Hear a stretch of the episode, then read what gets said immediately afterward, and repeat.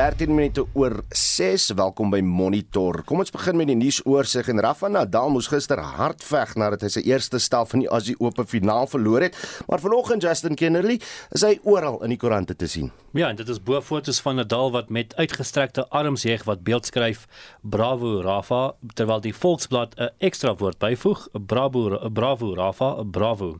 Die burger skryf meer oor die epiese tennisstryd van 5 uur 24 minute Nadal se 21 slams maak geskiedenis en elders in uh, die koerante word berig oor Albert Fritz. Dit is seksklagte, erken Wendy 'n lady opskrif. En Independent Online skryf Fritz het na bewering jong vrouens seksueel aangerand in sy kantoor. Die besonderhede oor die aanvalle word tans nie bekend gemaak nie om die slagoffers te beskerm. En ander nuusberig News24 oor die Valke se baas Godfrey Labia wat glo sy kantoor onwettig beset na hy die uh, aftree ouderdom bereik het Die staatsdienskommissie ondersoek die saak. En uh, so van sport gepraat op Twitter, kry die hitsmerk We Stand with Lewis baie aandag dit na die FIA gister 'n verklaring uitgereik het oor die ondersoek na die gebeure by die 2021 Abu Dhabi Formule 1 wedren na Max Verstappen onder twyfel uh, twyfelagtige omstandighede gewen het.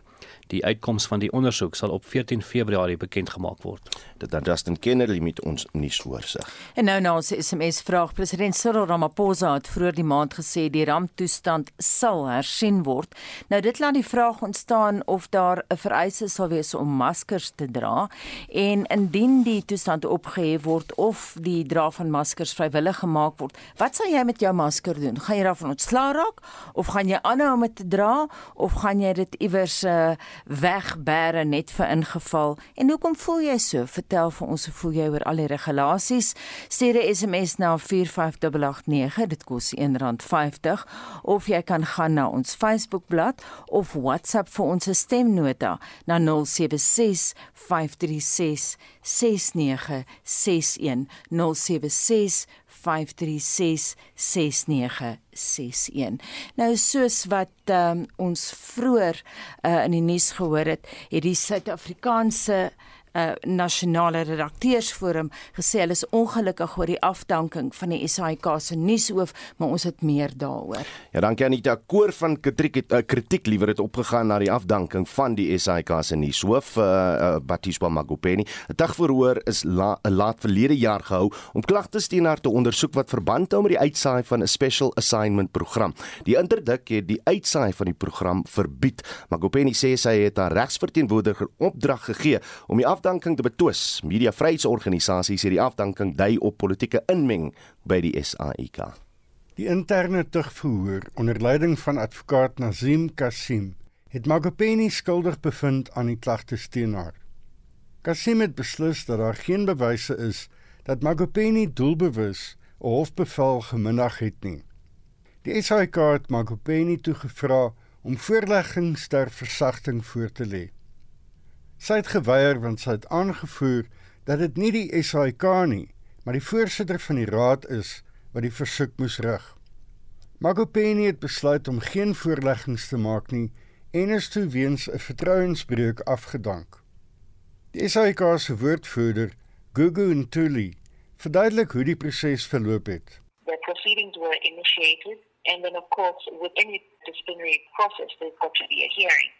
And this is always an internal process. However, there was a request to have this hearing public, and so the SABC adhered to that, and it was chaired by Advocate Kasim. And after his review of all the information provided, and having heard even from the GE herself, he found the GE guilty of misconduct for failing to take the appropriate measures and not uh, measures to prevent basically the court order being complied with.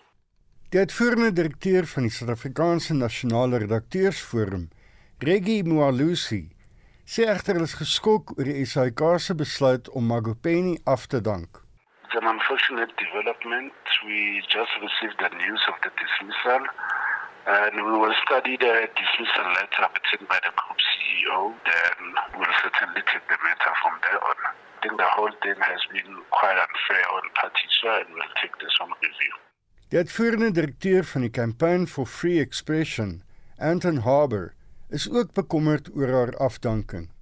I think that in context, this is a very concerning development. The context is that SABC has, in the past few years, stabilized itself, asserted its independence, and under Ms. Magopeni, re established the credibility and trustworthiness of its news product.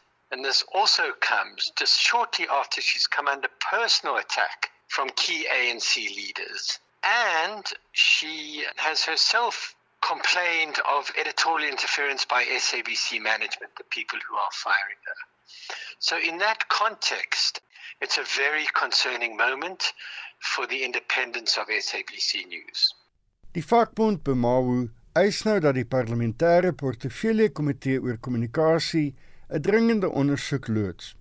Hannes Dubison is van Bemawu. I'm really concerned that we know that we have seen a grievance that uh, she has lodged very serious grievance, grievance on which we are acting at this point in time, uh, not on her behalf, but on behalf of the allegations that has been made by her. We are busy writing a letter to the portfolio committee. We are going to ask for an investigation in respect of that. We have seen that the board has appointed a committee to investigate this, um, which of course is absolute nonsense. You cannot investigate yourself. That investigation must come also in terms of the act uh, from uh, a different uh, body, and that body is the portfolio committee themselves. Dit was Hannes Dubison van die vakbond Bemawu. Ek is Hendrik Martin vir SAK nuus. En ons bly by die storie en praat nou met die jong voorsitter van Sanef, Adrian Beson. Goeiemôre Adrian. Môre Anita. Adrian, jy het nou na die vorige insetsel geluister, jou kommentaar. Ja, ek um, ek kan maar net ekho wat my kollegas daar gesê het, ehm um, is dat ons is baie bekommerd um, oor hierdie oomblik. Ons dink dit is 'n um, stap agteruit vir die SAIK ehm um, wat ehm um, onder Patiso Magubeni ehm um, uh, baie goed gedoen het in in terme van nuusverskaffing. Ehm um, jy weet, afdanking kom na baie jare van ehm um, bedenklike ehm um, besluite by die SAIK swak bestuur en um, politieke blaatante politieke inmenging. En haar aanstelling was 'n vars bries. Uit gekom uit die ehm um, uit die onafhanklike media ehm um, sektor. Sy is 'n gerespekteerde ehm um, uitsa joernalis ehm um, en en baie joernaliste in die SAIK het het ongelooflike respek vir wat sy gedoen het. Ehm um, en en ek dink dit is belangrik ehm um, soos wat Anton Haber ook uitgewys het is dat jy weet hierdie afdanking van haar vind plek in vind plaas in konteks van van 'n klomp ander goed wat gebeur het. Ehm um, waar waarvan die die ernstigste haar beweringe en haar gruwe wat sy nou gelê het teen die uitvoerende hoof en die voorste van die SAK raad dat hulle um, ingemeng het met ehm um, haar dekking van die munisipale verkiesing verlede jaar. Ehm um, en onder meer vir haar probeer dwing het om vir Cyril Ramaphosa as as leier van die ANC te uh, onderhoud mee te voer terwyl ehm um, sy gesê het nee, ehm um, daar was een insident in in haar griefskrif ehm um, waar sy sê die voorsteur van die SAK raad het al gebel en gesê Ramaphosa is op pad na die ehm um, na Auckland Park toe om om om uh, onderhoud mee gevoer te word en sy het gesê nee, ons gaan nie nou met hom onderhoud voer nie. Dis 'n deel van ons skedule nie en ons ons dek die ANC soos al die ander politieke partye. Ehm um, en en jy weet dit is net te toevallig Anita dat dat hierdie stappe teen haar gedoen word um, op die vreemdste manier. Ehm um, die feit dat sy uh, versagtende omstandighede moes gee aan die SAK nie aan die voorsitter nie. Soos in enige normale dissiplinêre proses is net vind ons baie vreemd en ons ondersteun haar um, as sy hierdie prosesse nou um, op appel gaan neem. Adrian Udo hier, uh, wat kan en wat gaan Sanef doen? Ehm um, ek dink daar's 'n paar goeders. Ek dink eerstens ons moet praat daaroor. So so byvoorbeeld 'n gesprek soos hierdie is belangrik dat die publiek weet wat aangaan. Ehm um, uh en en en ek dink dit is uh dis goed dat dat julle ook daaroor praat. Ehm um, ek dink ehm um, ons ehm um, ons sal haar ondersteun in haar appelproses so wat ook al hulp sy nodig het. Ons weet sy het 'n regspan. Ehm um, maar ons sal as sy verdere hulp nodig het of van hulp wees daar en ek dink verder ons um, as Sanef gaan waarskynlik ook uh, dan nou verder met die uh, met die parlementêre portefeulje komitee oor kommunikasie praat as hulle besluit om 'n proses te initieer. Ehm um, op die einde van die dag is dit 'n dispuut tussen 'n tussen 'n werkgewer en 'n werknemer, maar die impak hiervan, die omvang, die aard van haar werk ehm um, en die feite van die saak ehm um, noodsaak dat ehm um, dat SANEF betrokke raak. Die ondersoek wat gelas word teen die twee senior besieders by die SAIK wat nou aangekondig is oor die naweek, Pamau sê dit moet onafhanklik ondersoek word. Uh, wat is SANEF se mening daaroor? Ja, so dit is uh dit is nou dit dit volg Paties was 'n uh, griefskrif wat sy gelewer het teen die ehm um, uh, CEO um, die uitvoerende hoof en die um, voorsteur van die raad. Ehm um, en die raad ehm um, self het nou besluit om dit te ondersoek en 'n komitee aan te wys ehm um, waar hulle 'n onafhanklike advokaat aangewys het om met haar dissiplinêre verhoor te handel. So dit lyk weer eens vreemd. Ehm um, hoekom nie net 'n onafhanklike advokaat of afgetrede regter aanwys om met die grief ook te handel nie. Ehm um, so weer eens ons gaan ehm um, ons gaan vereis om deel te wees van daai proses om te sien wat gebeur om om in te sit om te sorg en te vra dat dit in die in die openbaar geskied want as daardie beweringe waar is oor van um, politieke inmenging dit is dit is baie erg. Ehm um, die bestuur van 'n media maatskappy van enige media maatskappy is hoe genaamd nie veronderstel om in te meng op daai vlak om vir redakteurs wie hulle moet onderhoude mee voer, ehm um, hoe dit moet geskied en veral as dit kom by politiek en politieke dekking in 'n verkiesingstyd. Ons weet ook natuurlik die ANC is baie krities geweest oor die SAK se dekking van die party en die aanloop tot die verkiesing en en beskuldig Magupeni daarvan dat dat sy ehm um, uh uh um uh, onregverdig krities was teenoor die ANC. Ehm um, jy weet terwyl die res van ons kon sien dit was net doodgoeie journalistiek. Ehm um, enige media huis wat die ANC in die aanloop tot die verkiesing gedek het, sou gepraat het oor dinge soos swak dienslewering, korrupsie. So sy het niks vreemd of verkeerd gedoen nie, sy het net al werk gedoen. Dit was Jat Jink, voorsitter van die Suid-Afrikaanse Nasionale Redakteurforum Adrian Passon. Onwettige elektrisiteitsverbindings het weer eens die lewe van 'n onskuldige kind gekos, die keer by Tembaleto in George in die Wes-Kaap. 'n 4-jarige seentjie is doodgeskok toe hy aan 'n heining geraak het wat deur 'n buurman se onwettige verbinding geelektrifiseer is. Tanya Krause het meer. Opayo Tokushi het saam met sy niggie in hul tuin gespeel. 'n Buurman wat verbygeloop het, het gesien hoe die niggie hom probeer wakker maak, maar te vergeefs. Sy oupa, Nsikelo Tekushe, sê hulle het nie toegeweet wat die oorsaak was nie. Ons het nie eers geweet hoe die kind gesterf het nie. Dit het Sondagoggend duidelik geword toe my vrou klere buite gaan ophang het en ook geskok is. Dis toe dat ons besef dit is deur elektrisiteit veroorsaak. Nadat die voorval aan die lig gekom het, het die munisipaliteit alle onwettige verbindings in die gebied verwyder. 'n Inwoner, Tabisa Ankelo, sê die onwettige drade is egter weer oornag gekoppel. Gisteraand het die mense weer hulle onwettige drade herkoppel. Ek weet nie hoe die munisipaliteit dit kan beëindig nie, want ons rou nog steeds oor die kind en daar is nog steeds mense besig met onwettige verbindings. Die munisipale woordvoerder, Ntobeko Mangwengwe, het inwoners versoek om die onwettige verbindings aan te meld. We cannot overemphasize the dangers attached to illegal connections. Any kind of electricity tapping, no matter how small or innocent looking, is illegal and dangerous and can cause much more trouble. As it was with this incident, the sad part is that children are more likely to be in danger. They can easily be killed. We ask the law abiding citizens to take upon themselves to report illegal connection activities to SAPS as soon as they see them taking place. Nog 'n inwoner, Akama Chaka, sê die mense moet geduldig wees en wag totdat die munisipaliteit hul elektrisiteit koppel. Informele nedersettings is nie 'n nuwe ding in George nie. Die hele sone 9 was 'n informele nedersetting toe ons voorvaders hier kom woon het. Hulle het prima stowwe gebruik. Hulle het nooit elektrisiteit onwettig gekoppel voordat dit geïnstalleer is nie. Hierdie mense moet wag dat die munisipaliteit vir hulle elektrisiteit installeer. Opayo word volgende naweek by Komani in die Ooskaap te ruste gelê. Ek is Tanya Krause op George. Regtyd vir ons terugvoer Marlenae wat sê die mense oor masker dra as uh, die regering nou hulle inperkingsmaatreëls kompleet stop sit of verander. Ja, of as hulle sê jy hoef nou nie regtig nie, jy kan maar self kies. Op WhatsApp skryf Rensha Liebenberg, ek gaan my masker raam en dan gaan ek hom ophang om my te remind hoe geseënd ek is om die pandemie te kon oorleef. Dis Rensha wat so skryf op WhatsApp en dan sou ook heel wat stemnotas in die verband. Ja, ek sal my masker definitief afhaal, maar weet jy wat, nee, ek dink regtig waar hulle moet bietjie begin praat oor die partye wat net uh, beloftes en beloftes en beloftes maak en nou laat dit op die push kom en nou trek almal hulle skouertjies op. Baie ook al by 'n kroeg instap of by 'n uh, 'n uh, sportklub instap, dra niemand maskers nie, niks gebeur nie. En dit hou in elk geval na vir maande aan. So, wat is die use in elk geval van maskers? of die noodtoestand nou opgehef is of nie. Dit die mense dra dit nie.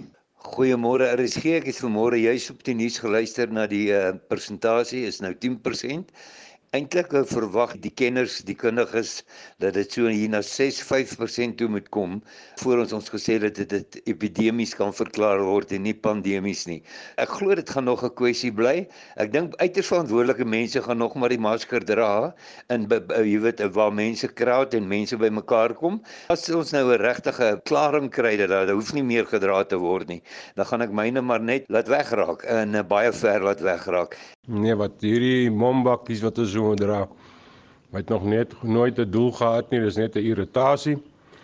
Die dag as my fellow South Africans sê ons kan die goedjies afval vir brand te kom en die res begrawe ek om nooit weer op my gesig te sit nie. Almal dra maskers, maar daar is tog nog steeds golwe en mense wat aansteek, so ek kan nie sien wat die ding ooit gehelp het behalwe om met irritasie te wees. Maar Anna de Toey dink nie dis irritasie nie. Sy sê op Facebook: "Ek hou my masker op al sê wie ook wat. Nooit en meer as 2 jaar het ek siek geword nie en voorheen het ek gereeld siek geraak toe ek nie 'n masker gedra het nie. Wil nou nageskryf ek het gewoond geraak aan die masker dra. Wat ek wel geniet van die ramptoestand is die feit dat daar niemand op my rug probeer klim in inkopiesentrums nie. En dan op die SMS lyn laat weet iemand: "Ek dink die masker is 'n wonderlike ding. Beskerm ons teen ander peste en plan ek sal myne bly dra en ek hoop die ou agter my in die ry dra syne ook en dan nog iemand hier uit die Ooskaap wat sê ek sal myne nog steeds dra vir selfbeskerming. Dis Ferdi wat daai SMS vir ons gestuur het. Jy kan saamgesels as baie mense met baie opinies, maar sê vir ons ook watse ander reëls sal jy nog steeds aan gehoor gee soos die sosiale afstand en so aan. Jy kan saam met ons gesels, jy kan 'n SMS stuur 45889, dit gaan jou R1.50 kos. Jy kan jou mening op ons Facebookblad deel. Jy kan of ons 'n stemnota stuur na 0765366961. Dankie Marlenae, 22 minute voor 7.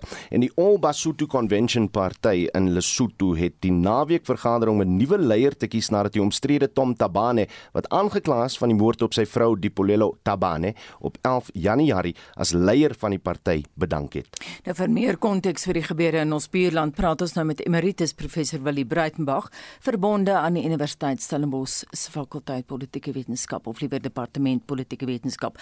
Goeiemôre Willie. Môre Anita, hallo. Eh, ek sien die Lesotho Koerant te post skryf die naweek the end of an error.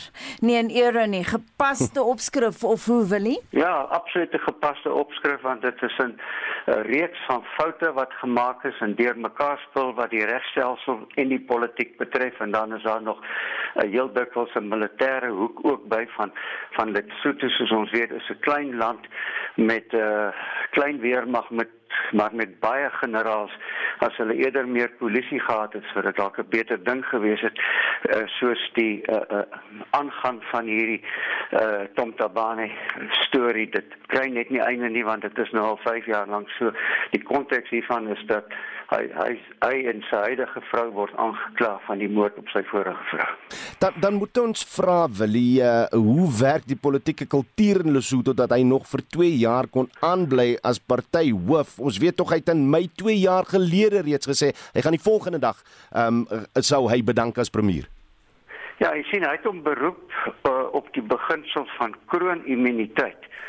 Uh Lesotho is 'n koninkryk en daarom het hy gedink dit is ook op hom van toepassing, maar dit is nie dit is dit is 'n dwaling. Kroonimmuniteit het eintlik net eintlik net gegeld in Engeland uh wat die Britse ryk was, weet die Britse ryk maar die die Engelse koningshuis en ingevolge daardie ou tradisies was die kroon teen enige uh, regtelike vervolging. En omdat Lesotho 'n koninkryk is, het hy gedink uh, hierdie regte kom op hom toe en die Lesotho howe het dit verwerp en sê hy is 'n gewone burger van die land wat die leier van 'n politieke party is. Hy was premier, is leier van die oppositie en uh, uh hierdeur is hy is die saak uitgegooi en dis hierdie einste saak wat nou nog voortduur want die uh, hofsaak uh, oor die moord van op die vorige vrou is nog glad nie behoorlik gehanteer nie. Willie Tamtabane het in Mei 2 jaar gelede nou moes nou aangekondig dat hy die volgende dag sou bedank, maar wat vir my baie vreemd is, mens die politiek in Lesotho van jaar dophou. Hy het op 11 Januarie aangekondig hy gaan die leierskap prys gee.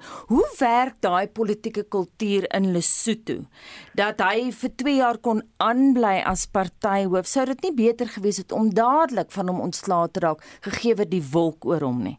Ja, dit sou moes gewees het, maar soos ek gesê het, dit is 'n land met nie baie sterk regstradisies nie. Wat in hierdie geval eh uh, saak die geval is, is dat hy hom op kroonimmuniteit beroep het. En kroonimmuniteit soos ek net nog gesê het, is 'n ding in die Engelse reg. Omdat Lesotho land 'n Britse kolonie was, het hy 'n kans gevat en probeer sê dat eh uh, hy is immuun teen vervolging. Maar eh uh, uh, so iets geld net vir die koninkryk van Lesotho moontlik naamlik soos die van Moshes die tweede en Letsie die huidige koning die derde as hulle by so iets betrokke sou wees so uh, hy maak nie aanspraak dat hy op hierdie koninklike regte kan aanspraak maak wat hy nie is nie. Hy's 'n gewone commoner soos hulle sê in die geval van Lesotho en dan uh, is die belangrike saak wat te sprake is die moord op sy vorige vrou en is hierdie ding wat nog hoegenaamd nie opgelos is nie en dit is die kern van hierdie saak Dis die 9 maande wil die voor die volgende verkiesing. Hoe sterk staan die All Basotho Convention party gegee wat Tom Tabani se skandes en uh, watter ander bewegende stukke is daar op hierdie politieke skankbord wat mense nou keurig moet dophou? Lesotho het 25 politieke partye. Jy kan nie regeer sonder 'n koalisie te vorm nie, want by die wenpaal kom omtrent al die ouens gelyktydig aan.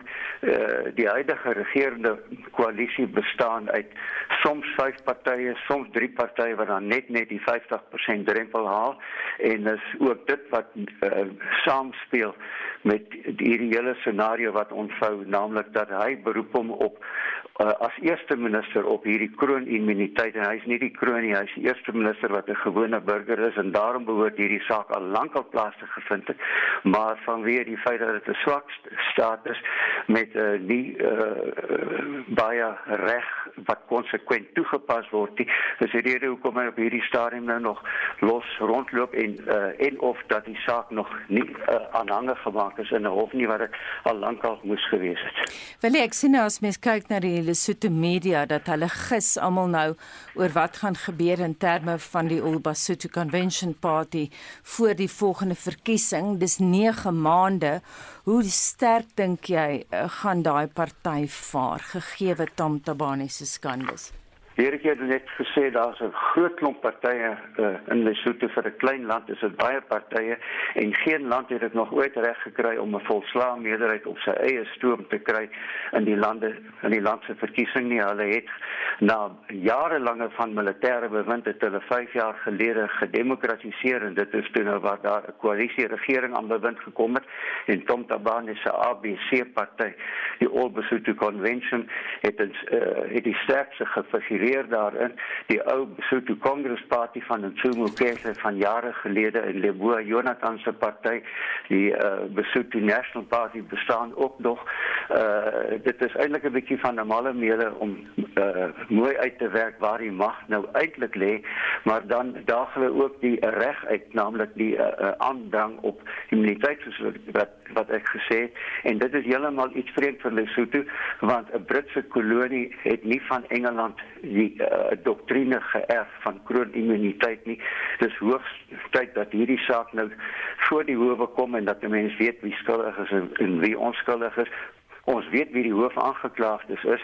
Dit sal baie interessant wees om te sien of die howe sy normale reg gaan speel sodat die uh, ware moordenaars uitgewys kan word en uh, daarvoor het 'n mens nie 'n sangoma nodig om vir te sê wie dit is nie. Ons weet wie dit is. En dit was emeritus professor Willie Breitenberg verbonde aan die Universiteit Stellenbosch fakulteit politieke wetenskap. Monitor jou oggendnuusprogram op RSG. Presies 13 minute voor 7 en die ondersoek na korrupsie raak in COVID persoonlik beskermende toerusting is al op 15 Maart 2020 deur die president gelas, maar van betaling aan die spesiale ondersoekeenheid is daar min sprake. Trouwens, die nasionale tesourie skuld die SOE 216 miljoen rand.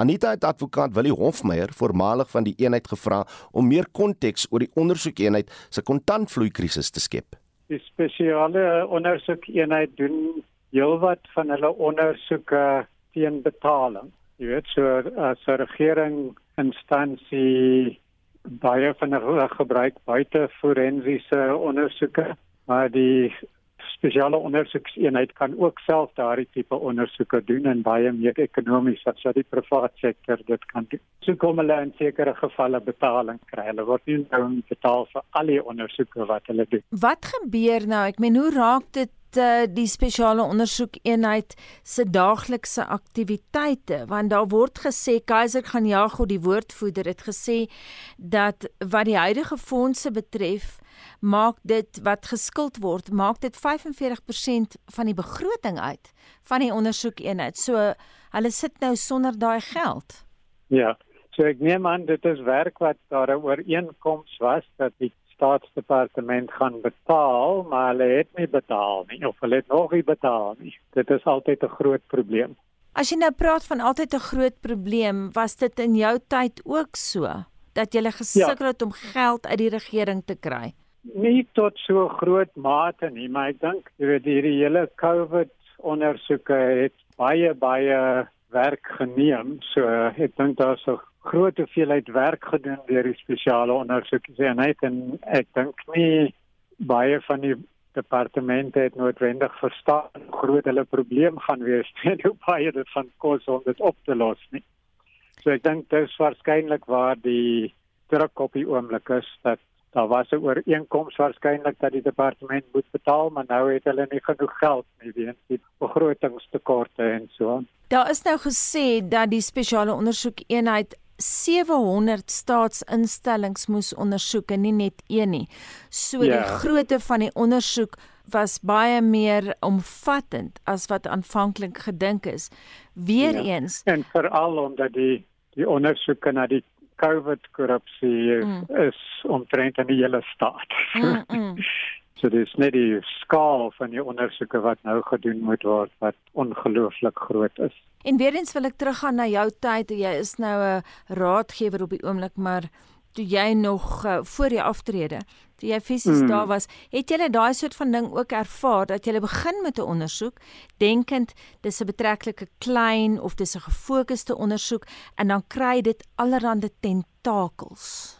Nee, dit is dikwels so dat as jy begin 'n bietjie rondkrap in 'n staatsinstansie se finansies dan vind jy allerlei ander goed wat jy nie verwag het om te vind. Dit is maar deel van die probleem waar ons korrupsie het wat nou op so groot skaal gevoer word. Dit plaas baie groter druk op die spesiale ondersoekseenheid.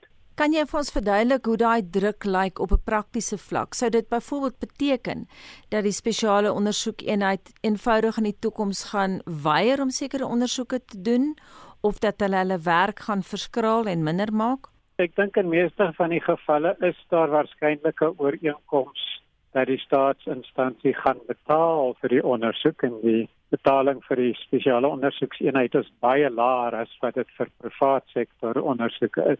So ek dink nie die skuld sal weggaan nie, maar ek dink dit plaas redelike groot wat sê hulle in Afrikaans maar cash flow problems. Mm. As jy nou verwag het dat daar geld gaan inkom en dit kom nou eers baie later in Maar ek sou hoop dat die tesourie miskien vir die SIU vir die spesiale ondersoekseenheid 'n bietjie kan help, jy weet om oor die kontantvloei probleme te kom en dat die geld wel later sal kom. Wil jy hoe raak hierdie kontantvloei krisis moreel onder personeel? Ehm um, ek dink nie daar's 'n krisis op die oomblik dat mense nie byvoorbeeld nie kan betaal word nie. Maar ek dink dit gee vir mense 'n bietjie onsekerheid of wat is die pad vorentoe? Is dit 'n tydelike krisis? Is dit 'n langtermynkrisis? So ek dink dit is belangrik vir die regering om iets te sê oor hierdie kwessie en of of hulle gaan help om as daar onmiddellike cashflow probleme is om die ondersoekseenheid daarmee te help. Wil jy praat nou van die pad vorentoe, maar hoe sien jy dit? Jy het klaar gesê die privaat sektor is te duur vir die staat om te kan bekostig.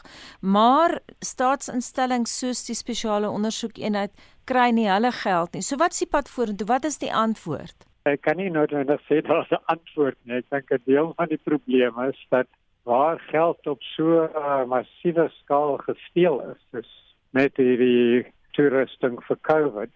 Jy weet, is daar net groot klompe sake wat ondersoek moet word en mense moet ingebring word op kontrak om te help met daardie ondersoeke.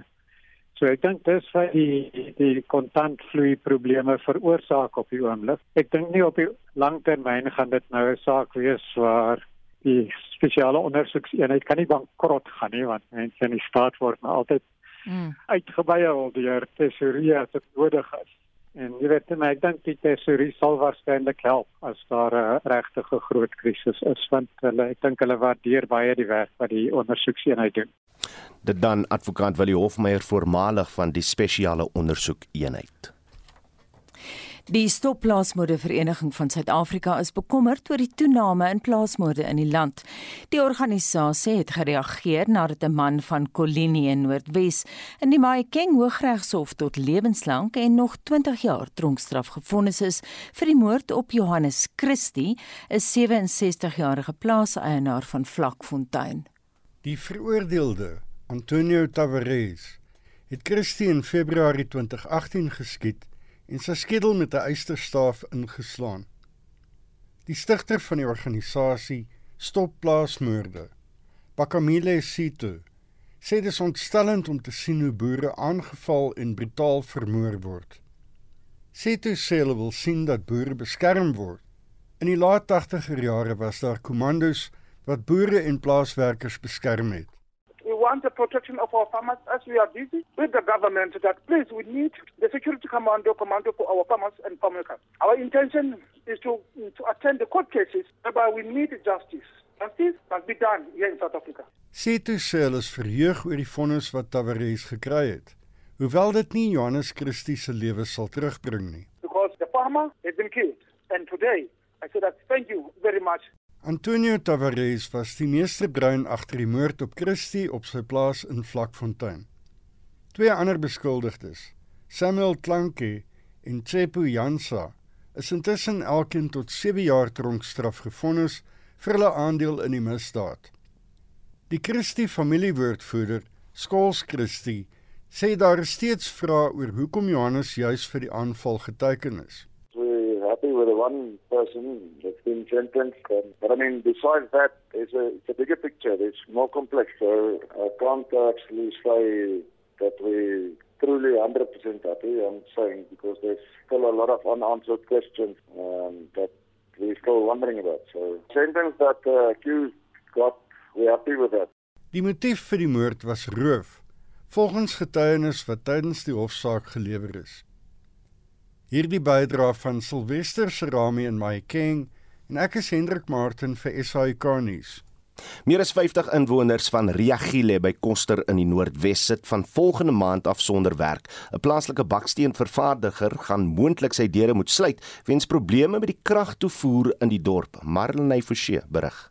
Die maatskappy sê in 'n brief aan die werknemers dat die besluit om toe te maak geneem is weens voortsleepende probleme met die kragnetwerk van die Kettlingrivier plaaslike munisipaliteit. Die maatskappy sê hulle kan nie op winsgewende basis voortgaan nie. Werknemers is die vereiste 4 weke kennis gegee.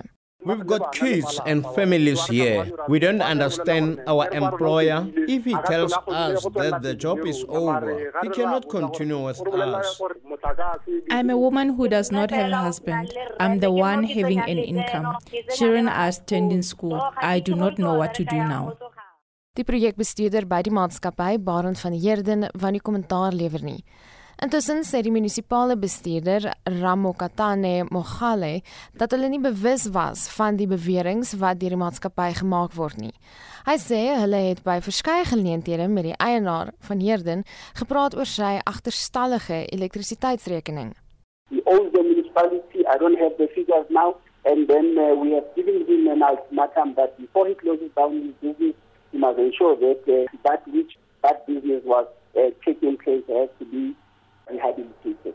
'n Woordvoerder vir die plaaslike gemeenskap, Solly Modisani, sê die maatskappy moet die gebied rehabiliteer omdat hulle die plek vol gate gegrou het. We must see what the municipality must see what is going to do with this center. So we are planning now to close down the gate so that he can he can go away without closing this open cut because it's so deeply Een van die land se grootste kaas- en melkproduserende maatskappye, Clover, het in Desember verlede jaar sy aanleg by Lichtenburg in Noordwes gesluit. Clover het die swak munisipale infrastruktuur as rede aangevoer. Meer as 300 werknemers het sedertdien hul werk verloor. Hierdie verslag deur Silwester Serame, Marlene Forsie, SAK-nuus. Maar dan jy het so 'n minuut. Dis nie geheim dat mense sterk opinies het oor die dra van maskers of nie. Ons wil weet as iemand vir jou nou vandag sê of as die regering sê ons hoef dit nie meer te dra nie of jy kan nou maar kies of jy dit wil dra of nie. Wat gaan jy doen? Hier's van ons luisteraars se mening op WhatsApp. Ons het Desember deur Mtata en Kwembu en Manfred gery en dit was amazing hoeveel van daai mense het in groepe daar gestaan tot 10 van hulle op beslag bymekaar en een uit daai tiene te masker gedra. Maak dit elkeen sy eie keuse of hulle hulle maskertjie wil dra of nie.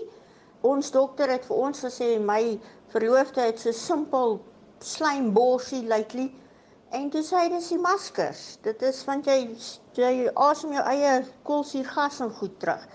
Praat saam, laat weet ons, gaan jy 'n masker dra? Dink jy dis 'n goeie ding en jy is 'n slegte ding? Jy kan 'n SMS stuur 4589119 R50. Kan ook op Facebook en WhatsApp met ons gesels. En dit bring ons by 7uur.